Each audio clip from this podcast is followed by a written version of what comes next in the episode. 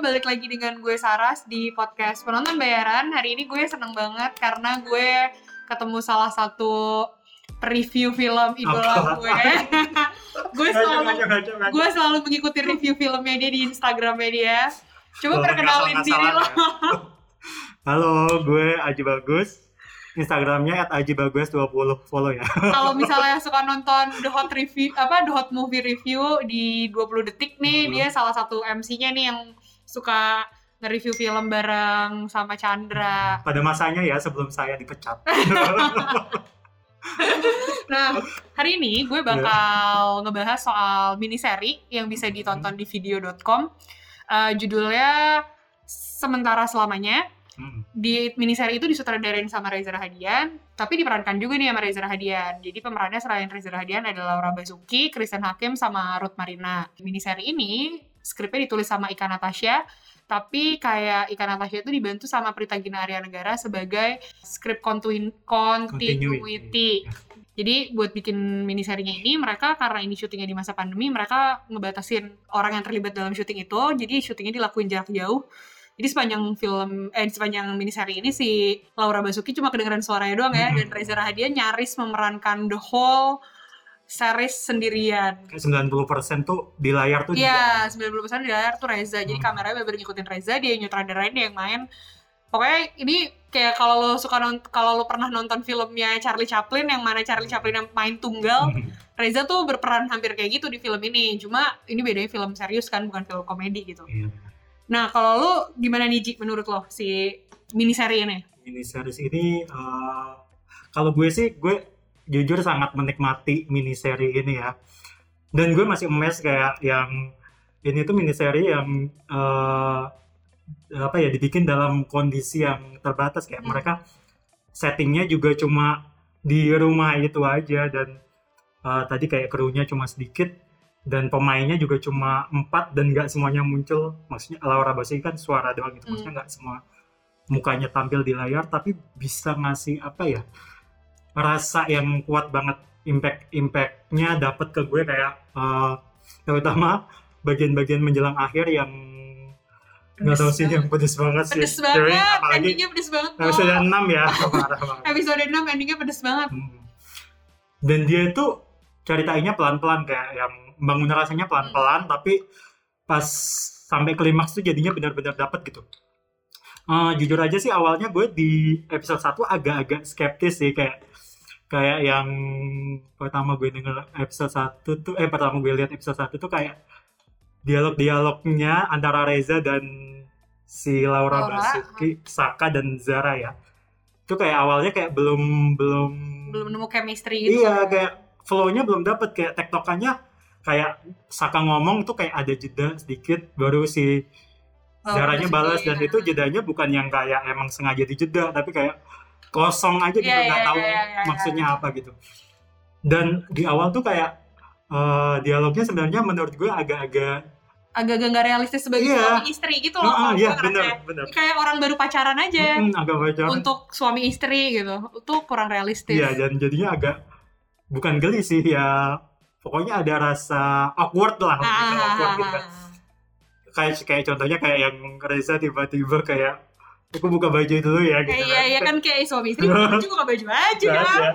dan itu sebenarnya dialog itu pernah dilakukan Reza juga sih di Critical Eleven Ah. yang dia sama Eka Natasha juga Ika, kan Critical Eleven juga yang nulis Ika Natasha kan. dan di situ dia sama Adinia Wirasti tapi di situ kayak lo udah di pertengahan film gitu loh jadinya kita udah mengenal karakternya si Reza sama Adinia jadinya pas ada adegan itu kita jadinya gemes. Hmm. gemes gitu ngerasa kita udah kenal sama mereka. Kalau ini tuh kayak lo baru mulai tapi lo ngasih kayak gitu tuh masih agak eh, apaan sih? Awkward gitu. Tapi makin lama masuk episode 2 itu udah udah bagus banget apa namanya dialognya lebih ngeflow balas-balasnya lebih enak dan dan semakin ke belakang tuh apa yang dibahas tuh juga semakin real ya maksudnya lebih substansial kayak kayak soal anak eh, apa satunya pengen punya anak satunya nggak setuju terus kayak eh, Laura Basuki nih sebagai dokter menghadapi pasien tuh gimana Iya, iya. Itu Hmm. cukup menguras emosi sih yang Iya Laura Basuki banget, nangis parah. itu. Haha.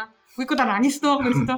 parah apalagi di episode 5 ya kayaknya yang Iya, pokoknya dia curhat betapa frustrasinya dia kayak misalnya harus pakai APD Ah, 12, 12 jam nggak bisa makan nggak bisa buang air kecil kan Terus ngeliat pasien yang meninggal. iya dan dia ngelihat pasiennya itu ditangani dengan cara yang seperti itu Hmm. gitu. dan ya udah makin lama gue semakin menikmati dan gongnya ada di episode Episode 6 terakhir. di terakhir Nah, buat yang belum nonton, gue pengen ngasih tahu sedikit sih. Jadi ceritanya ini tentang suami istri namanya Saka sama Zara. Mhm. Eh, si Saka ini pekerja kantoran yang lagi work from home. Nah, sedangkan si Zara ini ceritanya tenaga kesehatan. Dia dokter yang harus nanganin pasien COVID. Akhirnya si Zara ini memutuskan untuk ngekos di ya bareng dokter-dokter lain gitulah. Nah, jadi akhirnya mereka selama LDR, quote and quote LDR itu mereka telepon-teleponan terus via video call dan ketika mereka berpisah itu akhirnya mereka membicarakan banyak hal yang ternyata persoalan rumah tangga mereka, bagaimana si Sakanya pengen punya anak Zara yang gak siap, terus tentang rasa kangen, gimana keduanya menghadapi rasa kangen yang berbeda, terus Iya. gimana keduanya akhirnya eh ya mengulang kisah-kisah masa lalu mereka kan, Hmm. reminiscing gitu. Nah, gue setuju banget sih sama Aji. Maksudnya dan ini biarpun kayak itu tuh cuma di satu rumah, Hmm. terus kayak aktornya kebanyakan Reza Rahadian, karena Christine Hakim kan munculnya cuma di akhir kan, akhir. sama di telepon ya gitu. sama teleponnya Apalagi Laura Basuki cuma tinggal suara doang. Nah, tapi menurut gue film ini tuh, eh sorry, mini series ini tuh cukup bagus untuk menggambarkan eh gimana situasi orang Hmm, sa- semasa WFH, gimana sih lu kayak kesepiannya di masa lo PSBB, terus istri lu harus kerja jadi garda depan penanganan COVID gitu. Terus lumayan menyentuh banget sih akhirnya Iya, dan gue yang gue suka di sini tuh eh, long shootnya gitu loh. Jadi Hmm, bener. ya kan, Hmm. gimana kita tuh dieksplor emosi kita tuh dieksplor sama ekspresinya si Reza Rahadian Hmm. itu dan suaranya Laura Basuki. Jadi karena eh, si film ini pace-nya tuh eh sorry, si miniseri ini pace-nya tuh nggak cepet. benar Jadi banyak banget adegan yang fokus di mukanya Reza, kayak nge-explore gimana Reza mengekspresikan segala perasaan dia, dan itu akhirnya kita juga jadi kena gitu. Kayak untuk film yang dibikin, untuk miniseri yang dibikin dengan segala keterbatasan di masa pandemi, menurut gue ini perbaikan dari seri-seri yang dibikin sebelumnya gitu. Kayak seri-seri yang dibikin sebelumnya juga cukup bagus sih untuk maksudnya keterbatasan di masa pandemi, cuma kayak setelahnya kan akhirnya jadi ibaratnya kayak ada yang memulai nah ini tuh kayak versi yang udah di revisi revisi revisi Iya. lagi jadi menurut gue ini eh, alternatif tontonan Hmm. syuting di masa pandemi yang bukan cuma sekedar emergency exit tapi oh ini bener-bener enak gitu ditonton nah terus ditambah lagi ketika yang nulis Ika Natasha plot twist di akhirnya tuh gue suka banget karena Hmm. gue nggak expect Ika Natasha Oh, gitu. bakal nulis kayak asik gitu kayak gitu karena kan gue eh, baca novel Hmm. Eka Natasha nih beberapa antologi rasa terus Critical Eleven terus Architecture of Love Hmm. itu emang tentang cinta dua orang yang saling mencintai terus eh, endingnya happy gitu Hmm. ada masalah di tengah terus endingnya happy nah gue nggak expect Eka Natasha tuh kepikiran buat Hmm. bikin ending yang kayak gini Kayak banget gitu. Ci. kalau gue sih sebenarnya eh udah udah bisa nebak ya istilahnya dari Hmm. se- sebenarnya dari episode pertama itu gue udah curiga kenapa itu eh, kenapa dia eh, bikin adegan video call Hah? tapi si nggak pernah ada nggak pernah ada si Laura iya Lauranya nggak ditampil. Biasanya kan kalau bikin video call kayak Laura ditampilin bawah kecil gitu ah. Kayak ekspresinya biar kita bisa lihat langsung. Tapi ini enggak terus gue kayak mulai berpikir tuh ini kenapa? Uh, mungkin ada sesuatu yang disimpan. Nah nah masuk episode 2 itu gue kayak semakin yakin karena di situ ada adegan uh, Rezanya video call terus diliatin sama Mbak Mbak Serinya ini kayak dia ngeliat sedikit meskipun nggak yang terlalu kelihatan gitu tapi gue kayak ud- udah bisa nangkep sih. Itu terus semakin lama ke kayak semakin lama semakin lo lihat lo perhatiin detail-detailnya semakin lo yakin endingnya bakal kayak gitu. Apalagi si Reza di sini juga apa eh apa ya emosinya itu makin ke belakang tuh kayak dia dia bener-bener jalan pelan-pelan dan berubah gitu loh dari awalnya tuh kelihatan kayak dia mungkin emang sehalu itu ya istilahnya Hmm. tapi makin ke belakang tuh dia kayak udah mulai menyadari kalau gue ini sebenarnya halu gitu karena dia makin ke belakang makin banyak banget adegan nangisnya Iya, kan kayak banget. di akhir jadi Reza itu kalau misalnya eh, series ini tuh kredit title-nya tuh juga lu masih bisa lihat tuh Mm-mm. ekspresi si Reza Mm-mm. gimana tuh di kredit title. Gue coba tuh nonton sama kredit title-nya Mm, benar Dia emang di episode tiga episode akhir tuh dia emang kayak banyak perenung. Mm-mm, benar, benar. Mm. dan long shotnya itu jago sih dia maksudnya dia bisa dalam satu long shot tuh dia bisa membawa dari ekspresi yang tadinya kayak bercanda-canda terus kayak beberapa detik kemudian dia udah bisa ngebawa suasana jadi lebih serius lebih apa ya lebih emosional juga jagonya itu dan dan kalau lo bilang kredit title gue juga suka setiap kredit title tuh dia eh seriesnya ini kayak nge-shoot dari jauh dan muncul lagunya muncul musik Lagunya yang si mellow Nadine itu. ha. Mm-mm, dan di setiap episode tuh kayak gitu dan kita itu kayak bisa ngelihat si si Saka ini benar-benar sendirian di rumah betapa kesepiannya dia itu kayak dapat banget dari shot itu Gue di sini suka banget sih sama Reza Rahadian. iya parah. Parah Reza Rahadian tuh kayak aduh bener-bener aktor yang lu meranin apa aja Iya. bisa gitu. bener Ini tuh sebenarnya ceritanya sederhana banget ya Ji. Tapi aduh plot twistnya itu sih yang bikin kena dan kalau Aji tadi udah bisa nebak bakal ada sesuatu di Mm. akhir, gue asli sih gue akhirnya gue nggak. nggak bisa nebak karena kan premisnya di sini kayak kalau gue baca sinopsis sinopsisnya tuh eh, perpisahan ini bakal sementara doang atau selamanya Hmm. gitu. Nah gue tuh pikir mereka bakal cerai Hmm. karena mereka berantem soal anak, terus kayak berantem soal nggak boleh ngomong kangen Iya, gitu, gitu kan. Gue pikir mereka akhirnya kayak ada satu rahasia apa yang terkuak, misalnya Laura Basuki selingkuh sama Hmm. Iya dokter. Sumpah, gue mikirnya tuh kayak Iya, iya, gitu. gitu. Jadi gue gak nyangka banget kalau endingnya tuh sepedes itu. Sepedes. Sumpah, sedih banget. gue pas, pas hah kok gini? Itu tuh gue sampai kayak, ini beneran kayak gini nih akhirnya. Ya Allah, sedih banget ya gitu. Ah. Soalnya kayak beberapa plot twist tuh biasanya kayak eh, film-film tuh kayak udah ngasih hint gitu loh. Iya, ini kayak hintnya masih kecil banget kayak Hmm, belum. hintnya tuh kayak belum ada hint yang mencolok gitu. Hmm. Emang sih di episode 3 ada yang tamu ngetok-ngetok Oh iya benar. ditanya kan ini siapa gitu terus kayak oh enggak bukan siapa-siapa gitu tapi kan gue pikir ya GoFood kayak apa apa ya namanya bener, bener, WFH ya kan kayak emang mungkin dia pengen ngegambarin cerita real kalau misalnya ketika W, ketika lu di rumah PSBB tuh lo suka kirim apa ada paket dikirim gitu-gitu loh gue mikirnya gitu Hmm.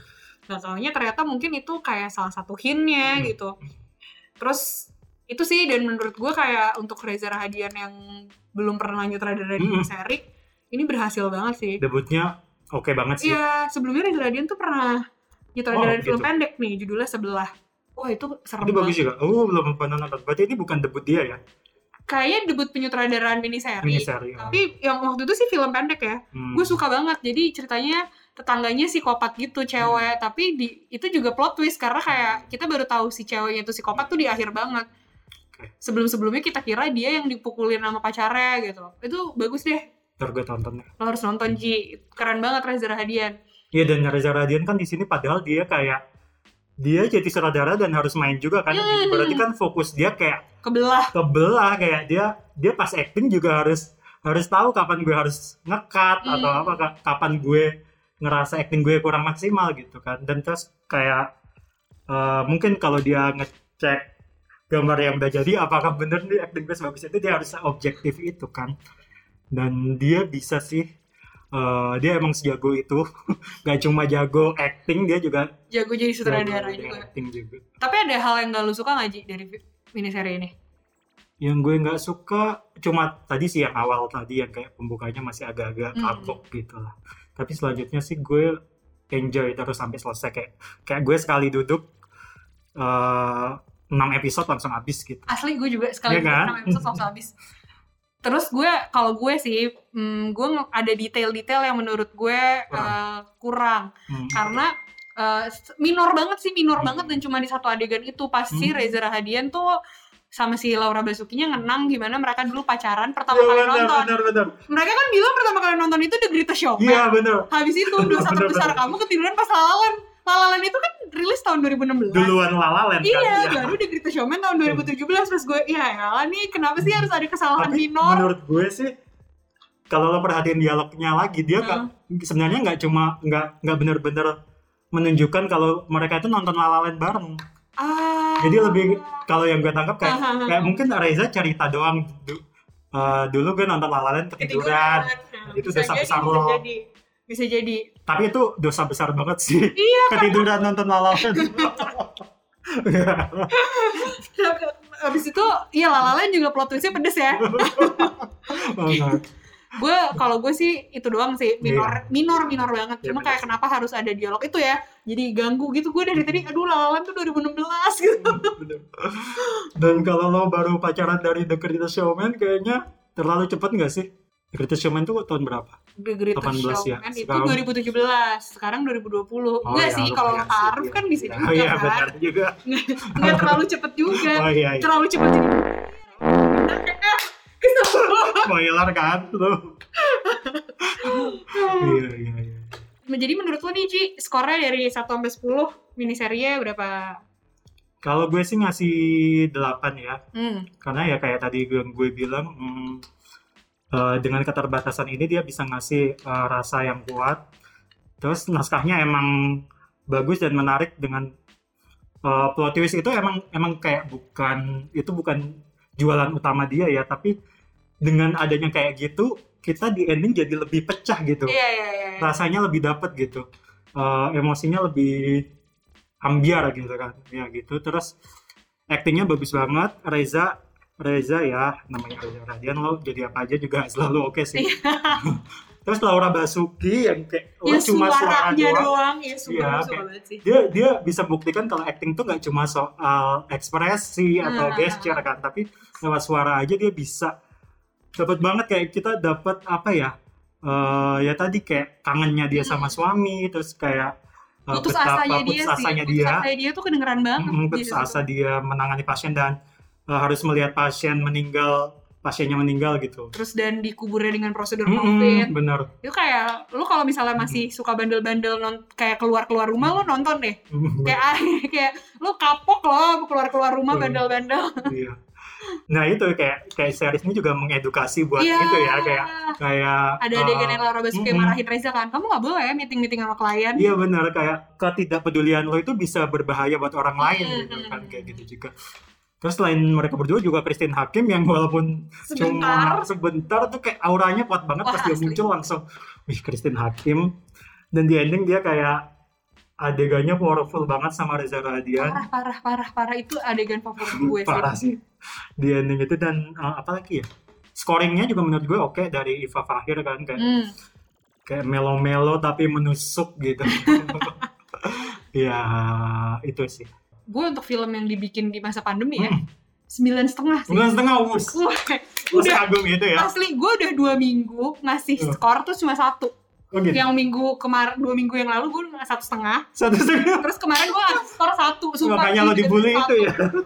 terus tapi ini gue benar-benar sembilan setengah karena menurut Iya. gue eh, untuk film yang dibikin di masa pandemi Mhm. ini tuh ya lo nggak Iya. bisa bandingin ini film sama film yang Iya. dibikin dengan riset mendalam dengan waktu yang satu tahun gitu misalnya kayak berapa bulan reading terus satu bulan Iya. syuting tuh lo nggak bisa ngebandingin itu semua gitu ini kayak kayak untuk film yang dibikin ketika lo pandemi terus lo bikin dibikin dengan segala keterbatasan ini tuh 9,5 Ji karena Iya. menurut gue lo bisa ngasih tontonan yang bener-bener wah ceritanya nggak keduga teknisnya bagus Hmm. scoringnya bagus actingnya sih Ya, actingnya aduh bener gue setuju banget kayak Christine Hakim tuh ya emang Christine Hakim lo mau Iya, cuma iya. dikasih ya adegan beberapa menit akhir yang dialognya cuma Hmm. dia masih video call itu doang itu aja tuh tetap ya lo Christine Hakim gitu lo gimana Betul, sih betul. bagus banget gitu jadi gue ini sih gue sangat amat mengapresiasi film eh sorry mini seri ini bagus dan ya tadi gue setuju sama yang gue bilang mereka ada